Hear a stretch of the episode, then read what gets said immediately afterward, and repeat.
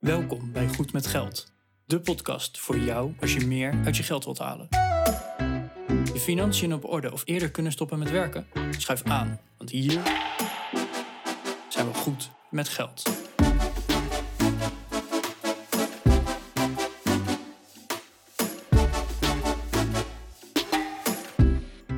Aflevering 203 van de Goed met Geld podcast. Hey Arjan en Bas weer door jouw speakers vandaag. En vandaag gaan we het hebben over de nieuwe Box 3. Of nou eigenlijk nieuw. Ehm, ja, er gaan gewoon wat veranderingen aankomen. Eh, hij is niet compleet nieuw. Er zijn vooral wat veranderingen die best wel impact kunnen hebben op jou. En ja, Box 3, dat is de, eh, de belasting op vermogen. De vermogensrendementsheffing, zoals het officieel heet. Maar ja, het komt er eigenlijk gewoon op neer. Als je vermogen hebt boven een bepaalde grens, moet je daar belasting over betalen. Nou, daar gaan we het over hebben. En dus ook de veranderingen. Uh, wil je meer weten over deze aflevering? Dat kan natuurlijk even in de show notes. Goedmetgeldpodcast.nl slash 203. En even een kleine mededeling. Volgende week is het kerst. En wij nemen ook gewoon lekker een weekje vrij. Dus we zijn er een weekje niet. Dus uh, over twee weken zijn wij gewoon weer door jouw speakers. Maar even een weekje niet. Veel luisterplezier. Goedemorgen Arjan. Hey Bas, goedemorgen. We gaan het hebben over de nieuwe Box 3, want er wordt nogal veel over gesproken. Nou, nieuwe Box 3? Is het, is het echt nieuw? Het is, uh, officieel heet het niet de, de, nieuwe Box 3, want die is er pas vanaf 2026. Of tenminste, dat zijn de plannen. Uh, ja. Officieel gaan we het hebben over uh, de herstel- en overbruggingswet Box 3.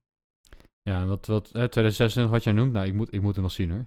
Uh, ik denk dat de uitvoerbaarheid een probleempje gaat worden. Um, maar inderdaad, uh, vanaf belastingjaar 2026, uh, dus met de aangifte van die je in begin 2027 doet, uh, is het idee dat we in box 3 op werkelijk rendement belast gaan worden.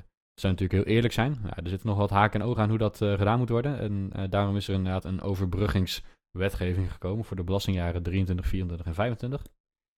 die dus volgend jaar ingaat. Niet bij de aankomende aangifte die je doet, want die gaat natuurlijk over belastingjaar 2022. Uh, we nemen dit op eind 2022. Dus de eerstvolgende aangifte die je doet is in 2023 over het jaar 2022. Dus daarvoor het geldt kan, nog het niet. kan wel effect hebben, hè, trouwens. Nou, nee, het heeft, het, heeft, het heeft al effect, want volgend, vanaf 1 januari zitten we in belastingjaar 2023. En dat je pas een jaar later afrekent, dat maakt dan natuurlijk niet uit. Ja, maar en, en sommige het is mensen betalen een, een herstelwetgeving.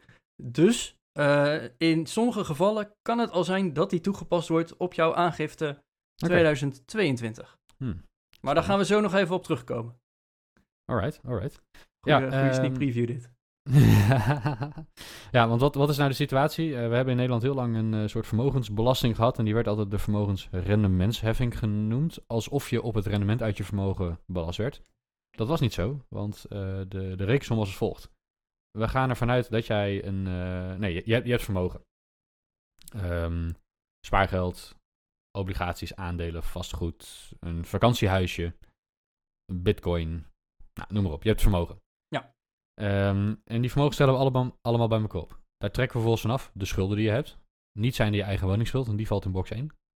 Uh, maar stel dat jij een lening hebt gebruikt om een uh, vakantiehuisje te kopen, of je hebt een hypotheek op je beleggingspand, hè, dan trek je die schulden af, minus een bepaalde drempel van uh, 3k ongeveer, trek je die af van de bezittingen die je hebt. En dan blijft er ja. over een, een netto vermogen wat in box 3 valt, en waar je op aangeslagen werd. En vervolgens werd er gezegd, nou dan doen wij net even alsof je 4% rendement maakt.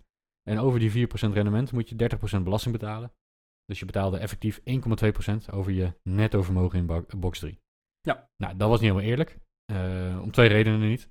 De mensen die alleen maar spaargeld hadden en verder geen, uh, uh, geen andere vermogensbestandsdelen, die zeiden, ja maar wij krijgen helemaal niet 4% rente, dus dat is hartstikke oneerlijk. We betalen te veel belasting. Um, en de mensen die beleggingen hadden en daar veel meer rendement mee maakten, die zeiden, nee, dit is eigenlijk best wel een prima regeling, want we maken veel meer dan 4% rendement, dus we houden ons mond. Nou, in beide gevallen natuurlijk een beetje oneerlijk. Um, er zijn rechtszaken over geweest en ik meen zelfs dat het Europees gerechtshof een uitspraak heeft gedaan dat deze wet in strijd is met het recht op uh, vrij bezit.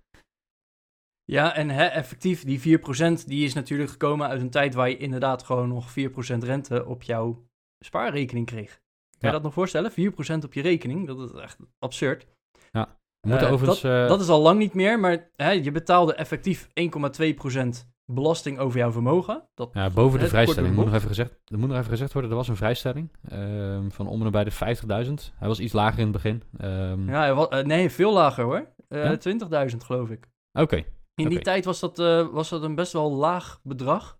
Ja, 20.000 dus voor, voor e- één persoon. Dus hè, bij fiscale partners, hup, keer 2, eh 40. ja, dan werd het eerste gedeelte natuurlijk niet belast en alles wat je daarboven zat werd met 1,2% belast. Nou, dat is goed, oneerlijk, toen, zijn rechtszaken over geweest. inderdaad minder dan 1,2% belast of eh, rente ging geven, ging opeens echt iedereen stijgen. Ja, stijgen. minder, dan 4, minder dan 4%. Nee, ja, maar je betaalde 1,2%. Ja. en toen de banken eenmaal echt minder dan die 1,2% ook aan Ja, rente precies. ging Ja, geven, toen ging echt iedereen stijgen. Want Want dan betaal je meer dan 100% rente. eh, nee, sorry, dan betaal je meer dan 100% belasting uiteindelijk. Ja, Dat is, dat is dus- wat er gebeurde. Ja. Nou, dat, dat, eh, daar zijn eh, de nodige rechtszaken, bezwaarprocedures en noem maar op over geweest. Nou, toen heeft de Belastingdienst inderdaad gezegd: hé, hey, we gaan het eerlijker maken. We gaan het ja, verdelen. Mhm. En eh, nou, net zoals bij jouw inkomstenbelasting hebben ze daar schijven voor gebruikt. En ze hebben eigenlijk gezegd: oké, nou, de, de eerste 50.000 euro, of de, dat begon wat lager, maar ondertussen zitten we op 50.000 euro. Die, daar gaan we vanuit dat je die gewoon nodig hebt voor, nou, noem maar op. Dus daar betaal je geen belasting over. Ja. Vervolgens de volgende 50.000 euro, dus hè, de 50.000 tot een ton. Daar gaan we vanuit dat je het grootste gedeelte op je spaarrekening hebt staan. En een klein beetje hebt geïnvesteerd. Dan eh, van een ton tot een miljoen heb je het grootste gedeelte geïnvesteerd en nog een klein beetje op je spaarrekening. En alles boven die miljoen, ja, dat investeer je maar gewoon lekker. Hè? Want dat, wat Ja, moet je met een miljoen op je spaarrekening? Laten we wel. precies. Nou, dat, eh, daar gingen ze dus vanuit. En op basis daarvan gingen ze ook belasting heffen. Nou, het deel wat op jouw spaarrekening stond, daar betaalde je een lager belastingtarief over. Eh, En dan, daar gingen ze kijken van, oké, wat, wat is er het afgelopen jaar eh, gemiddeld genomen aan, aan rente gegeven? Dat percentage gebruikten ze. En bij de beleggingen keken ze dus, oké, wat is het langdurig gemiddeld rendement op, eh, op beleggingen? En dan keken ze inderdaad van, oké, wat is vastgoed meer waard geworden? Of hè, de rendement, rendement op vastgoed, de rendement op obligaties en de rendementen op de Europese of de wereldwijde beurs. En daar namen ze een, een gemiddelde van.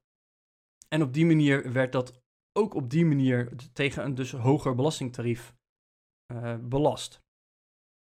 Mhm. Nou, dat was een, een gigantisch ingewikkelde berekening. Wij hebben het ook nagezocht. We kunnen ondertussen voor het, het komende jaar ook nou niet meer precies vinden welke gemiddelden nou zijn genomen. Want hè, wij, wij gaan er in ieder geval vanuit dat het langdurig gemiddelde zijn. Nou, van, de, eh, hè, van de spaarrente kijken ze dus van... Ik heb, ik heb in ieder geval de, de periode van juli tot juni het jaar ervoor gekeken. Eh, daar kijkt de Belastingdienst naar. En ja, van, de, van de rendementen rondom aandelen, vastgoed en obligaties. Daar zit een gigantisch moeilijke berekening achter. En dan Mhm. aandelen tellen wat meer mee dan vastgoed. En nou, eh, als je het echt wil weten, ga vooral de Belastingdienst vragen van hey, hoe zit het nou? Eh, wij kwamen er in de voorbereiding niet helemaal uit. Nee, nou ja, en goed, dat is natuurlijk een eh, wat ja, eh, rare situatie. Hè, dat het onduidelijk is van hoe word je nou aangeslagen. Eh, maar in feite is het, werd er aangenomen dat je een bepaalde mix van, van beleggingen had. Dat is natuurlijk ook niet helemaal eerlijk. Eh, als je zegt van ja, je hebt een, ton aan, aan vermogen, dan zal dit ongeveer de verhouding zijn tussen wat je aan, aan spaargeld en aan beleggingen hebt. Ja, dat is natuurlijk ook niet helemaal, niet helemaal zuiver. Niet helemaal eerlijk, want als je dan een ton aan spaargeld hebt, dan word je alsnog te hoog aangeslagen. Terwijl als je een ton belegd hebt, dan word je weer te laag aangeslagen. Toen is de discussie op, stand, eh, op gang gekomen om werkelijk rendement te gaan belasten. En daarvan werd al heel snel gezegd van ja, maar hoe dan? En dat kunnen we niet uitvoeren en dat is niet haalbaar op korte termijn. Dus dat verschuiven we jaren de toekomst in, richting eh, 2026. Waarvan dan maar de vraag is of we dat gaan halen. Ik denk van niet. maar eh, daar ben ik wat sceptisch over.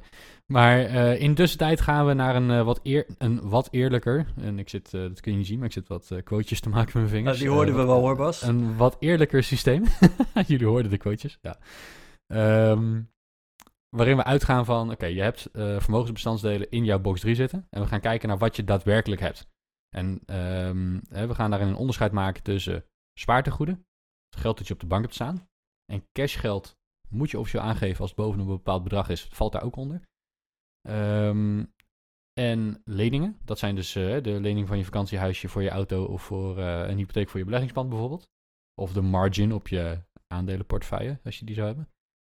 Eh, die tellen we mee en we tellen alle overige bezittingen mee. En onder alle overige bezittingen valt alles wat je kunt bedenken als aandelen, obligaties, vastgoed, crypto, eh, vakantiehuisje, nou, whatever.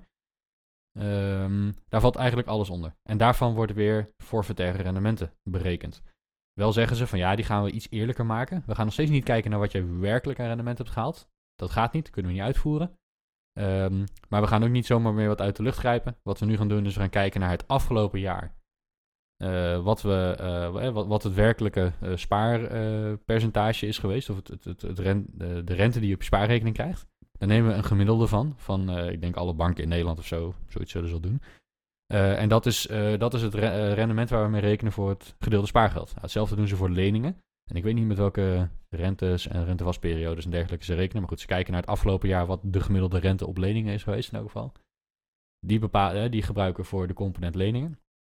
En voor de component overige bezittingen, dus waar alle beleggingen onder vallen, wordt een of andere berekening gemaakt op wat het langjarige gemiddelde is voor beleggingen. En ik meen ergens gelezen te hebben, maar het is heel moeilijk terug te vinden op het moment, als we dit opnemen, eh, dat ze daarvoor het vijfjarige gemiddelde van de Europese aandelenindex gaan gebruiken. Nou, tot zover. eh, het wordt wat eerlijker, het wordt in ieder geval iets nauwkeuriger. Laten we het daarop houden. Ja. Eh, want hè, als je alleen maar spaargeld hebt, word je aangeslagen alsof je alleen maar spaargeld hebt. En heb je alleen maar beleggingen, dan word je aangeslagen alsof je alleen maar beleggingen hebt. De werkelijke percentages hoeven natuurlijk niet per se overeen te komen met wat jij daadwerkelijk rendement maakt. Want als jij niet in die Europese aandelenindex zit, maar in, alleen maar in vastgoed, dan maak je misschien een ander rendement. Misschien hoger, misschien lager, dat weet je niet. Ehm, en als jij spaargeld hebt, je krijgt toevallig heel veel rente omdat jouw bank veel rente betaalt, maar het gemiddelde is wat lager. Ja, dan heb je mazzel, want dan word je aangeslagen alsof je wat minder rente hebt gekregen. Dus dat is gunstig, dan betaal je minder belasting. Maar het is in geval een benadering van de werkelijke situatie. Dus het is ietsjes ja, zuiverder, eh, nauwkeuriger geworden. Ja, wel zullen we maar gewoon even wat, wat eh, rekenvoorbeelden eh, noemen. Eh, ik, ik, denk, ik hoop dat het dan in ieder geval duidelijker is op welke manier ze ernaar gaan kijken. Wij hebben een, een viertal berekeningen voor jullie, neergele- of voor jullie gemaakt. Daar praten we jullie doorheen. Wil je ze zelf nog even naberekenen? We nemen een linkje op in de show notes naar Berekennet. Kan je zelf even de bedragen invullen en dan kom je er ook. En dan zie je ook hoe het berekend is. Eh, laten we beginnen met de, waar de nieuwe wetgeving gunstiger voor is. Want eh, hè, stel je hebt alleen maar spaargeld en je hebt niks belegd. Nou, laten we Mhm. het voor het gemak eh, een één persoon, ja, gewoon één persoon. Hè, dus die heeft één keer recht op de belastingvrije voet, de vrijstelling. En die heeft 100.000 euro, een rijk persoon. Nou, dan, dan vullen we dat dus in. Mhm. En eh, nou, hè, de, de eh, ruim 50.000 euro belastingvrije voet gaat daar vanaf. In de oude regeling eh, zou er aan, aan, inkomsten eh 879 euro zijn. Of eh, 897, sorry. 897, bijna 900 euro aan inkomsten, waarover je vervolgens 31% belasting betaalt. Nou, daarvan is gezegd, hé, hey, we gaan dus nu kijken, waar staat het geld daadwerkelijk? Nou, en dat blijkt dus allemaal op de spaarrekening te staan. Nou, eh, je betaalt daarover dus het, het of te- er wordt gerekend met het lagere rendementspercentage. en dan gaan ze er opeens vanuit, in de, in de spaarvariant, dat daar eh 4 euro rendement uitkomt uit die, eh, die resterende 50.000 euro. Ja, Ja. dat is dus veel gunstiger, want of je nou 31% moet betalen over 897 euro of over 4 euro. Dat is best wel een, een groot verschil. Ehm, dus in, in de nieuwe situatie ga je hier 1 euro belasting betalen over dus 50.000 eu- of 100.000 euro spaartegoed. In plaats, hè, wat zal het zijn, een 300 euro. Best wel een, een eh, hè, voor deze mensen komt dit heel gunstig uit. En hier, eh, hè, want we, we hebben net gezegd, eh, de nieuwe regeling gaat gelden over de jaren 2023, 2024 en 2025. Mhm. Maar eh, voor 2022, dus het jaar waarin we nu bezig zijn, daar wordt gekeken van oké, we hebben een oude berekening en een toekomstige berekening. Mhm. Die, daar, daar gaan we, die berekenen we allebei. En de meest gunstige, die telt voor jou. Dus in dit geval zou je volgens de oude berekening eh, zo om en nabij de 300 euro belasting moeten betalen. Volgens de nieuwe regeling zou je hier 4 of 1 euro belasting moeten betalen. Eh, dan betaal je maar 1 euro belasting. Dus in Mhm. dit geval wordt de, wordt de regeling eigenlijk al een jaar naar voren getrokken. En dat is dus heel gunstig voor je. Hm. Nou, gaan we even, even we gaan het mixen. Hè? Eh, laten we diezelfde ton nemen we 50-50. Dus 50.000 euro staat op jouw eh, spaarrekening en 50.000 euro heb je geïnvesteerd. Eh, Waarin, dat maakt eigenlijk gewoon niet uit. Dat doet er ook echt niet toe, dus dat gaan we ook niet... eh ja, dat hoeven Nee, ja, er uit zijn dingen waar ik niet in zou eh, investeren, te maar... eh, Nee, maar we hoeven niet, niet de verschillende situaties van aandelen of vastgoed of wat dan Nee, ook... eh, nee het is gewoon 50.000 geïnvesteerd, ja of nee. Nou, ehm, in, de, in de oude regeling gaan ze er eigenlijk vanuit, hè, dan kom je dus echt op die 100.000 euro, heb je 897 euro aan box 3 inkomen waarover je belasting gaat betalen. Hè, dat is dus op dit moment die 31%. Nee. Mhm. In de nieuwe regeling, dan gaan ze dus echt kijken, oké, waar is het gealloceerd? En dan zou je eh, volgens die berekening 1366 euro inkomen hebben, waarover je 31% gaat betalen. Mhm. Nou, dat is dus in dit geval ongunstiger, dus hier blijft de oude regeling gelden. Ja. En betaal je eh 278 euro vermogensbelasting. Nou, dan als je ook nog even gaat kijken naar 2023, het nieuwe belastingplan, eh, daar zitten dan nog wat verschillen tussen. Want de, de voor, het voorbeeld dat ik nu noem is over dit jaar, 2022. Volgend jaar is de vrijstelling iets hoger, dus eh 57.000 euro in plaats van de 50.650 euro. Dus hè, je, de, de eerste euro's betaal je geen belasting over, maar je betaalt wel 32%. Dus eh, hè, dat, dat is een beetje, een beetje flauw. Volgend jaar gaan ze dan uit dat je 1191 euro inkomsten hebt. Mhm. En betaal je daar 381 euro belasting over. Dus over de, de mix 50-50 eh, voor één persoon, dus 50.000 spaargeld, 50.000 geïnvesteerd. Mhm. Ga je volgend jaar dus ook wel echt meer belasting betalen eh, door die nieuwe regeling. Oké. Hey, en ehm, dan ben ik ook wel benieuwd, eh, wat nou als je eh, leningen hebt? Want eh, voorheen kreeg je, jij hebt de berekening voor je neus, hè, dus ik kan deze vraag ja, nee, ik, ik voelde hem aankomen. maak- laten we eerst nog maak, even... ik maak het... Ik maak, oh, wacht. Ja. ja, laten we eerst nog even één tussenstap doen. Geen spaargeld en 100.000 geïnvesteerd. Oké. Dat is even nog een, een tussenstap. Dat zal wel wat uitmaken, denk ik. Dat maakt zeker uit. Hè? Voor dit jaar gaan we dus ook weer naar de oude berekening. Want dat was de meest gunstige. Dat was in de vorige al. Maar hè, zelfs als je, Mhm. zeker als je gaat allokeren, dan wordt het alleen maar ongunstiger.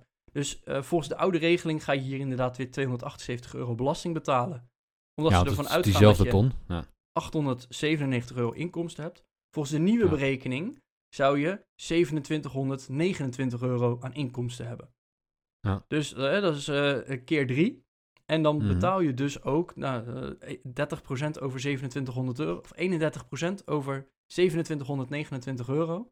Eh, ik, mijn hoofdrekening is niet zo heel sterk, maar ik gok dat het op ruim 900 euro uitkomt. Ja. Eh, eh, tegen de 278 nu. In de nieuwe regeling heb je dus iets meer vrijstelling. eh, betaal je wel iets hoger eh, aan belastingtarief. Eh, ga je naar een inkomsten op die, op die 100.000 euro eh, naar 2377 euro. Daar gaan ze vanuit. En daarover betaal je dus 32% belasting, wat 761 euro is. Dus Ah, hè, eh, nul, eigen, nul spaargeld, 100.000 euro geïnvesteerd voor één persoon. Die betaalt dit jaar 278 euro aan vermogensbelasting. En volgend jaar 761 euro. Dus dat gaat eh, keer drie bijna. Ja. ja, en dat heeft ermee te maken dat je, hè, we, we, we rekenen nu, het is een hoop geld, maar we rekenen nu met relatief lage vermogens. Eh, zeker boven de vrijstelling. Wat gewoon betekent dat ehm, eh, in, de, in het oude stelsel je werd aangeslagen alsof je heel veel spaargeld had. Wat, wat, je, wat je in feite niet had. En dat wordt nu volledig als, als belegging aangeslagen. En dat maakt dat, het, dat, dat je zoveel meer belasting gaat betalen in dit scenario. Ja. Ja, dus het is eerlijker geworden, maar het is nadelig voor als je weinig spaargeld en veel beleggingen hebt. Zeker. Dan, Ja, eh, dan, eh, eh, dan is het minder leuk. Dat kan ik je Ja. ook wel vertellen. Nou, dan Ja. gaan we nog even naar dat geleende geld. Hè, want daar, dat was vooral jouw vraag. En nou, die wilde ik is weten, dus- want dat zie je dan met veel, veel vastgoedbeleggers. Ze hebben een hypotheek op het pand. Hè. Die hebben dan een, een pand van 2 ton en een hypotheek van eh 100.000. Hè. Dus die hebben dan de helft gefinancierd. Nou, dat, is, dat is een hele legitieme manier van beleggen. Want dan heb je een stukje hefboom waarmee je je rendement iets kunt vergroten.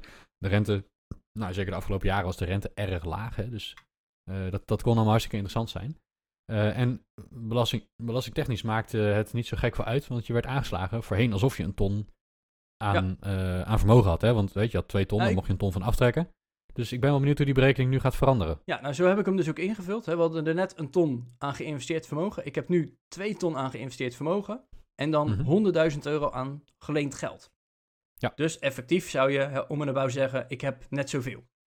Nou, dan in, deze in deze berekening, er gaat altijd nog een stukje, eh, er, er zit een drempelwaarde bij jouw geleende geld. Die mag je Mhm. niet zomaar ervan afschrijven. Dat is 3200 euro. Mhm. Dus in plaats eigen vermogen 100.000 euro heb je 103.000 euro 200. Mhm. Eh, in, in de oude regeling. Nou, dan, eh, dan gaat weer die vrijstelling af. En volgens de oude rekenmethode betaal je dan 311 euro vermogensbelasting. Dus dat is hè, de- een, drie tientjes hoger dan de, de, eh, som- wanneer je niet geleend hebt. En wanneer je dus eh, een ton hebt. Maar goed, 311 euro belasting. Volgens het nieuwe belastingplan, daar gaan ze dus inderdaad kijken van oké, eh, je mag niet één op één wegstrepen. En in plaats dat jij een inkomsten hebt van om en nabij de 1000 euro, 1003 euro gaan ze in, het oude, eh, in, de, in de oude manier vanuit, heb jij volgend jaar opeens 3880 euro inkomsten uit dat vermogen. En daar kijken ze dus echt van, oké, hoeveel vermogen heb jij uit die 2 ton? Nou, en daar, daar gaan een deel af van het geleende geld, maar zeker niet Mhm. één op één. Ik, ik geloof dat het om en nabij de helft is. Dus eh, in plaats eh 1000 euro inkomsten heb je 3880 euro inkomsten. En daar betaal je 32% over. Dus dan kom je uit op een belasting van 1242 euro. De belastingdruk staat hier ook bij. Eh, dus in plaats 0,3% belasting betaal jij 1,2% belasting. Dus gewoon echt factor 4. Je betaalt eigenlijk dus in, in deze situatie dus nul spaargeld en 200.000 euro eh, geïnvesteerd vermogen, 100.000 euro lening. Mhm. Dan zou je dit jaar, dus 2022, of over 2022, 311 euro belasting betalen. Over 2023 is de voorlopige pro- prognose dat je 1242 euro betaalt. Dus echt Ja, gewoon bij- keer bijna vier. keer vier. Ja. ja, dat is echt verschrikkelijk. En ehm, En hè, even, even eh, ter verdediging van de, degene die vastgoed hebben. De huren gaan er niet op omhoog. Eh, dus Nee. de, de inkomstenstroom wordt er niet hoger op. Aan de andere kant, eh, die, die hefboom, hè, want zo, zo noem je Mhm. dat. hmm. Die hefboom die hier gebruikt wordt, is altijd al een maas in de wet geweest om het zo gunstig mogelijk eh, die, met, met de box 3 belasting om te gaan. Dus Nou, aan de ene valt- kant is die altijd al te laag geweest, misschien wel. Aan de andere kant wordt die wel heel veel hoger nu. Ja. Ja, en dat geldt niet alleen voor vastgoedbeleggers, hè, maar ook voor iedereen die met een lening een, eh, eh, een, vakantiewoning koopt bijvoorbeeld. Ja, bijvoorbeeld, ja. Eh, dat, daarvoor, daarvoor gaat deze, exact deze berekening ook gelden. Nou, nu het voorbeeld wat jij noemt, hè, 2 ton om 1 ton, gaat, die, gaat de, de netto belastingdruk keer 4 ongeveer. Dat is natuurlijk al heel exorbitant. Ik heb zelf eens zitten rekenen met eh 5 ton om 3 ton. Dus met 2 ton eigen vermogen, waarvan je er 5, eh, eh, 5 in vastgoed op zet en 3 hebt geleend. Eh, dan, dan, dan komen die percentages wat anders uit. En dan ga je keer 2,5 of zo, meen ik. Maar het, het hangt natuurlijk wat af van de, van de situatie waar je zelf in zit. Ehm, in, in mijn eigen situatie zit ik ergens daartussenin, hè, tussen die twee scenario's in. Eh, dus, dus ook mijn belastingdruk op het pand gaat, eh, gaat best wel omhoog. Ja, Maar dat zijn, ehm, ja, dat zijn wel zaken om rekening mee te houden. Overigens, voor iedereen die een box 3 hypotheek op zijn eigen woning heeft, gaat hier ook mee te maken krijgen. Er waren nogal wat, wat mensen die de afgelopen jaren, ik ook onder andere, hebben gezegd van, joh, als we een huis kopen, dan, dan laten we een deel van de hypotheek in box 3 vallen. Dat doe je eh, door hem aflossingsvrij te maken. En de rente was eh, anderhalf procent, ook op langdurige aflossingsvrije hypotheken. Ehm, de hypotheekrenteaftrek krijg je dan niet meer. Als het een box 3 hypotheekdeel is. Maar ja, dat maakte mij niet zo gek voor uit. Want met stijgende WOZ-waardes, stijgend inkomen. Ehm eigen woningforfait gaat omhoog omdat de WZ-waarde stijgt. En eh, de hypotheekrenteaftrek is heel minimaal, want het is een heel laag percentage hypotheekrente dat je überhaupt betaalt. En ik mag hem al niet eens meer tegen de top van mijn inkomen afstrepen. Is de netto hypotheekrenteaftrek, het netto voordeel dat je uit hebt, eh, was bijna niks. Heel minimaal nog. Ehm, terwijl ik de hypotheek in box 3 volledig in mindering, eh, in mindering kon brengen op mijn vermogen. Nou, ook daarvoor gaat natuurlijk een, een verschuiving plaatsvinden nu. Die situatie gaat veranderen. En dat Ja. is wel even iets om, eh, om rekening mee te houden. Als je zegt van ja, maar ik heb helemaal geen beleggingsvastgoed. Nou, maar misschien heb je wel drie ton aan aandelen. En heb je, weet ik veel, twee ton van je nieuwe huis in, eh, in box 3 gestoken. Of niet van je huis, maar van de hypotheek op je huis. Ja, in dat geval ga je hè, van, van een ton belastbaar vermogen vandaag eh, naar drie ton belastbare beleggingen morgen. Eh, en twee ton eh, aftrekbare lening, maar tegen een heel ander percentage. Waardoor je mogelijk toch wat meer box 3 gaat betalen. Ja, en dit heeft dus eh, het effect op iedereen die een hypotheek heeft die, waar, waarover ze geen hypotheek, of, eh, hypotheekrenteaftrek krijgen. Hè, Ja, voor alle leningen in alle box drie, hypotheken ja. en alle leningen die Ja. niet annuitair of lineair worden afgelost eh, van het eigen huis. Eh, dus alles daarbuiten, die vallen eigenlijk al in box 3. Ja. Dus eh, heb je dat, ja, dan gaat ook dit voor jou eh, effect hebben. Eh, en dan zouden we vooral even zeggen van, hey, check, bereken het, om eens te kijken van, hey, wat, wat voor effect gaat het hebben? Dat, eh, Ja. ja, dat is eigenlijk wel belangrijk. hey Bas, maar eh, ja, wij hebben dit voorbereid. En toen zeiden we ook, ah joh, dan, eh, het, hè, ze kijken naar, oké, hoeveel heb je op je spaarrekening staan en hoeveel heb je geïnvesteerd staan? Hmm. Dan, en pijldatum is altijd 1 januari. Ja. Dus nou, als jij op, weet ik veel, vijf- 15 december of zo, of nou, hè, laten we het echt kiele kiele doen, 25 december, kerst, nou, dan is Mhm. alle, zijn alle beurzen sowieso dicht. 27 december, verkoop je alles, zet je op je spaarrekening. En op 5 januari zeg je, hé, hey, eh, eh, de pijldatum is weer voorbij. Ik eh, koop gewoon voor alles weer aandelen. Ja. Dan op de pijldatum was het lekker, eh, hè, stond alles op mijn, eh, op mijn spaarrekening. En daarna ga ik gewoon weer vol investeren. Mhm. En daardoor betaal ik gewoon heel veel minder belasting. Hè? Kijk maar naar die ton eh, wel of niet geïnvesteerd. Ja, dat gaat hem niet meer worden. Hè? Dus dat is een beetje sjoemelen eigenlijk met, eh, met de vermogensbestandsdelen. En eh er wordt naar gekeken. Je moet een, ja, een, een bandbreedte van drie maanden aanhouden, geloof ik. Ja, er gaat dus inderdaad heen. gekeken worden naar een paar maanden ervoor en een paar maanden daarna. En ik kan me ook voorstellen trouwens dat als je zegt van ja, het is gewoon een hele legitieme verkoop van aandelen geweest, want ik wilde mijn aandelen verkopen. Prima, als dat dan in die drie maanden ervoor daarna valt, hè, dat, dat, dat zal geen probleem zijn. Maar als je consequent inderdaad een paar dagen van tevoren en een paar dagen gaat verkopen en een paar dagen daarna weer gaat aankopen, ja, dan zal er op een gegeven moment naar gekeken kunnen gaan worden als zijnde je bent je belasting aan het optimaliseren op een eh, niet legitieme manier. Ehm, dus dat, is geen, eh, dat lijkt geen escape te zijn. Nee, en ze kijken dus echt naar de periode 1 oktober, 31 maart. Ja. Eh, hè, dus dat is best flink. Dat is een lange periode. Dus dan zou je bijna eh, een half jaar niet belegd zijn, zo ongeveer. Mhm.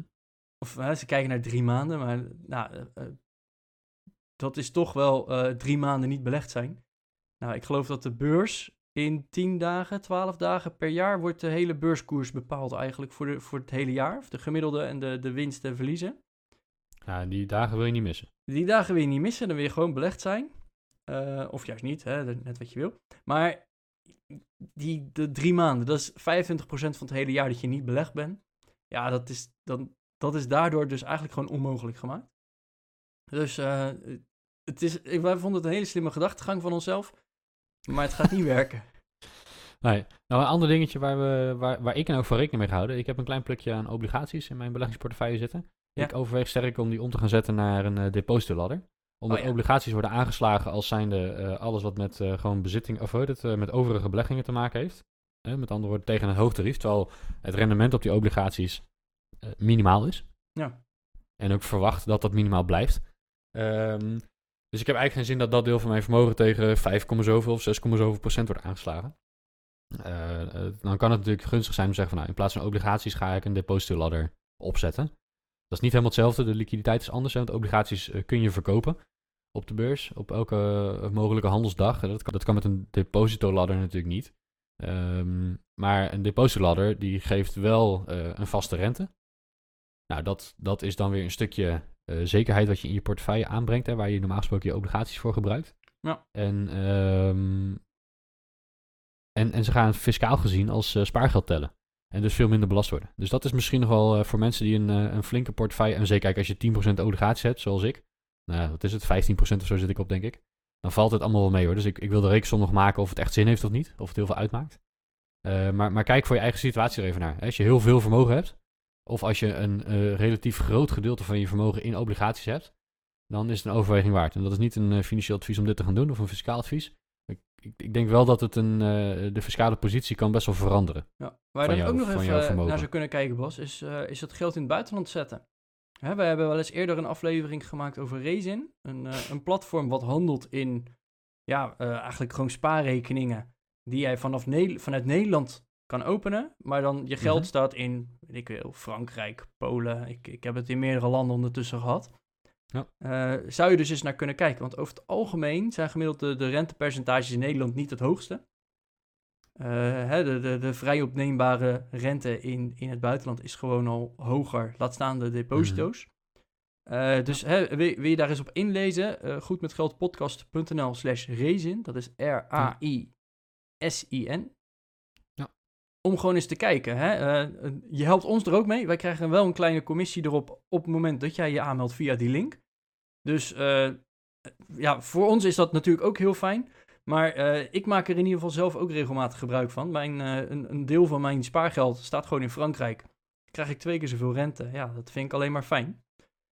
Dus eh, Ja, het, enige waar je voorzichtig mee moet zijn, denk ik, is of, ehm, eh, of zo'n bank solvabel blijft. Hè? Dus als je zegt van ja, die bank die gaat omvallen, ja, dan, dan kon het wel spannend worden. Eh nou heb je wel binnen Europa het eh depositogarantiestelsel, dat is Europese wetgeving.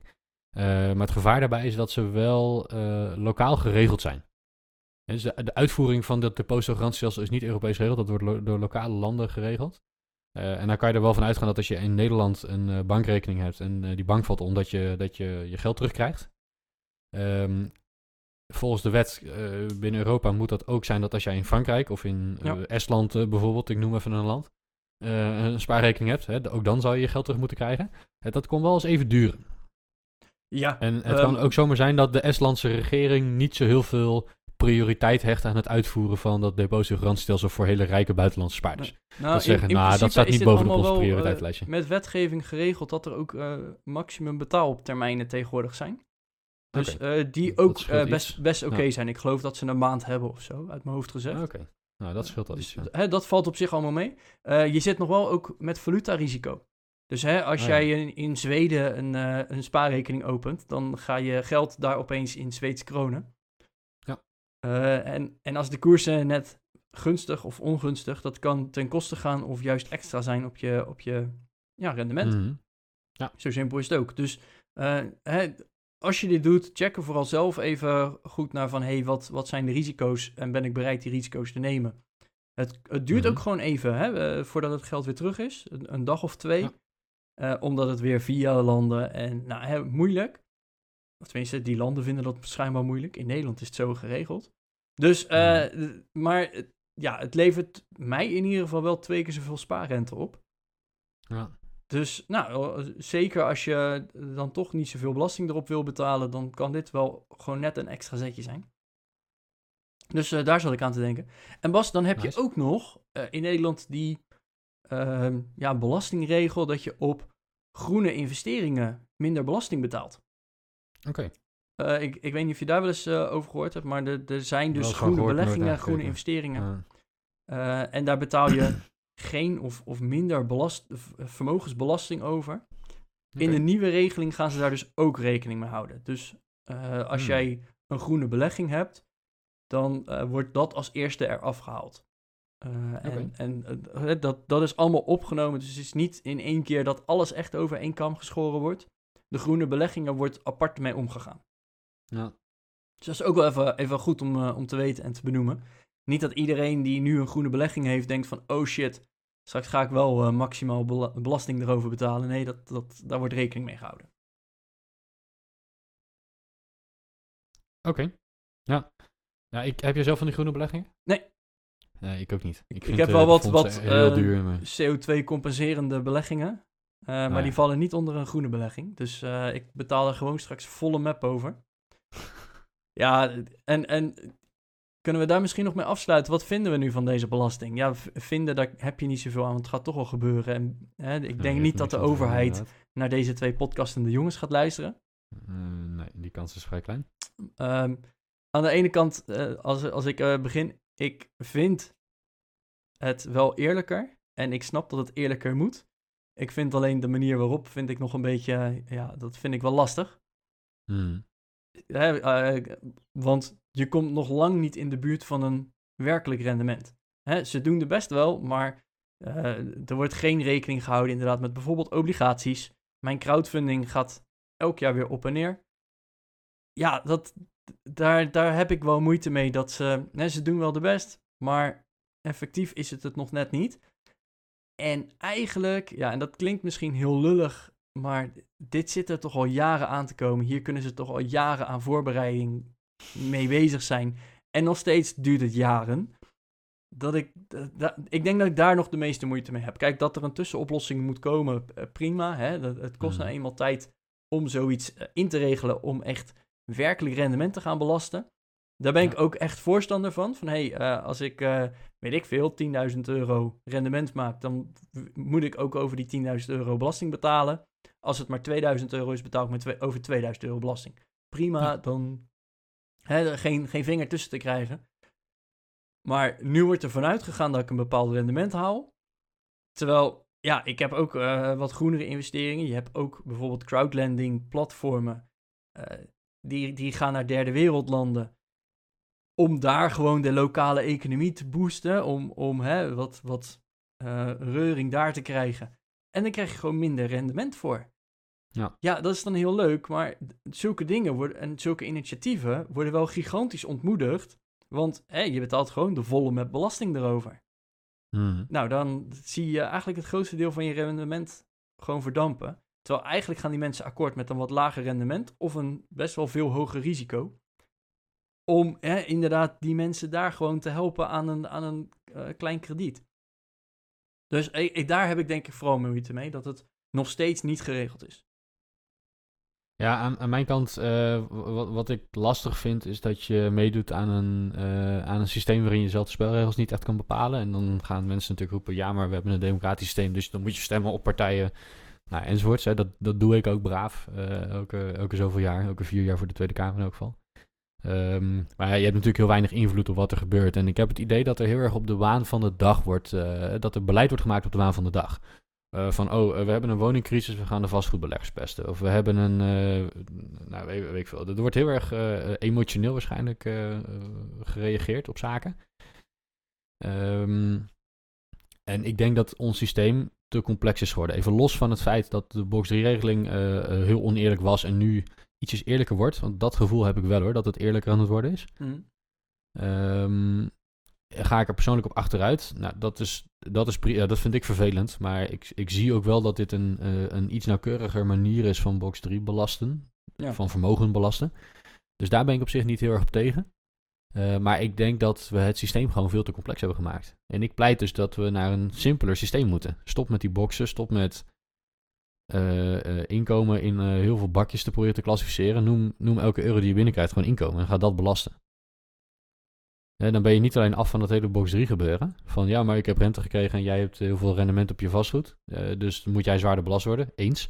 Maar ja, als ik dan zoveel rendement op mijn vastgoed maak. Ja, dat is dan dus ook gewoon meer inkomen. Wat belast moet worden als inkomen. Ja, Ehm, en, en dan hoeven de percentages niet hetzelfde te blijven als ze nu in de box 1 zijn. Hè. Daar, kunnen we wat, hè, daar kan je aan gaan sleutelen, zodat de belastinginkomsten gelijk blijven.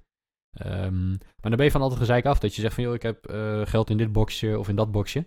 Eh, en dat maakt eigenlijk niks uit, maar de fiscale positie verandert ineens.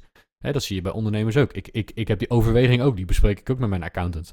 Ehm, moet ik meer salaris uitkeren? Of is het gunstiger in dit geval om wat minder salaris uit te keren en dividend uit te keren?